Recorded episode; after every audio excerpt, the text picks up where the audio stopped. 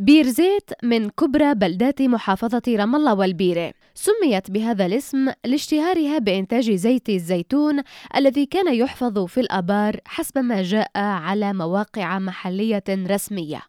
أما في موسوعة بلادنا فلسطين لمصطفى مراد الدباغ جاء أن الرومان سموها بير زيث وكانت وقتها ضمن مقاطعة إيليا كابيتولينا وهو الاسم الروماني للقدس.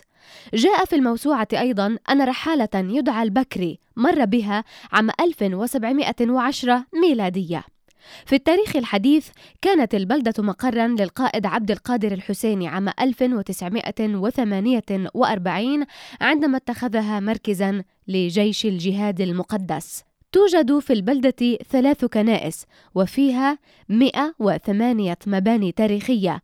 كساحة الحوش ومطحنة وبابور بير زيت والجامع القديم ويعود معظمها إلى الحقبة العثمانية. أما الخان يعود إلى الحقبة المملوكية وعمره 500 عام. خربة بيرزيت تحتوي على آثار من العصر الحديدي حتى العثماني وفيها قلعة تسمى القلعة الصليبية وفيها أيضا معصرة العنب.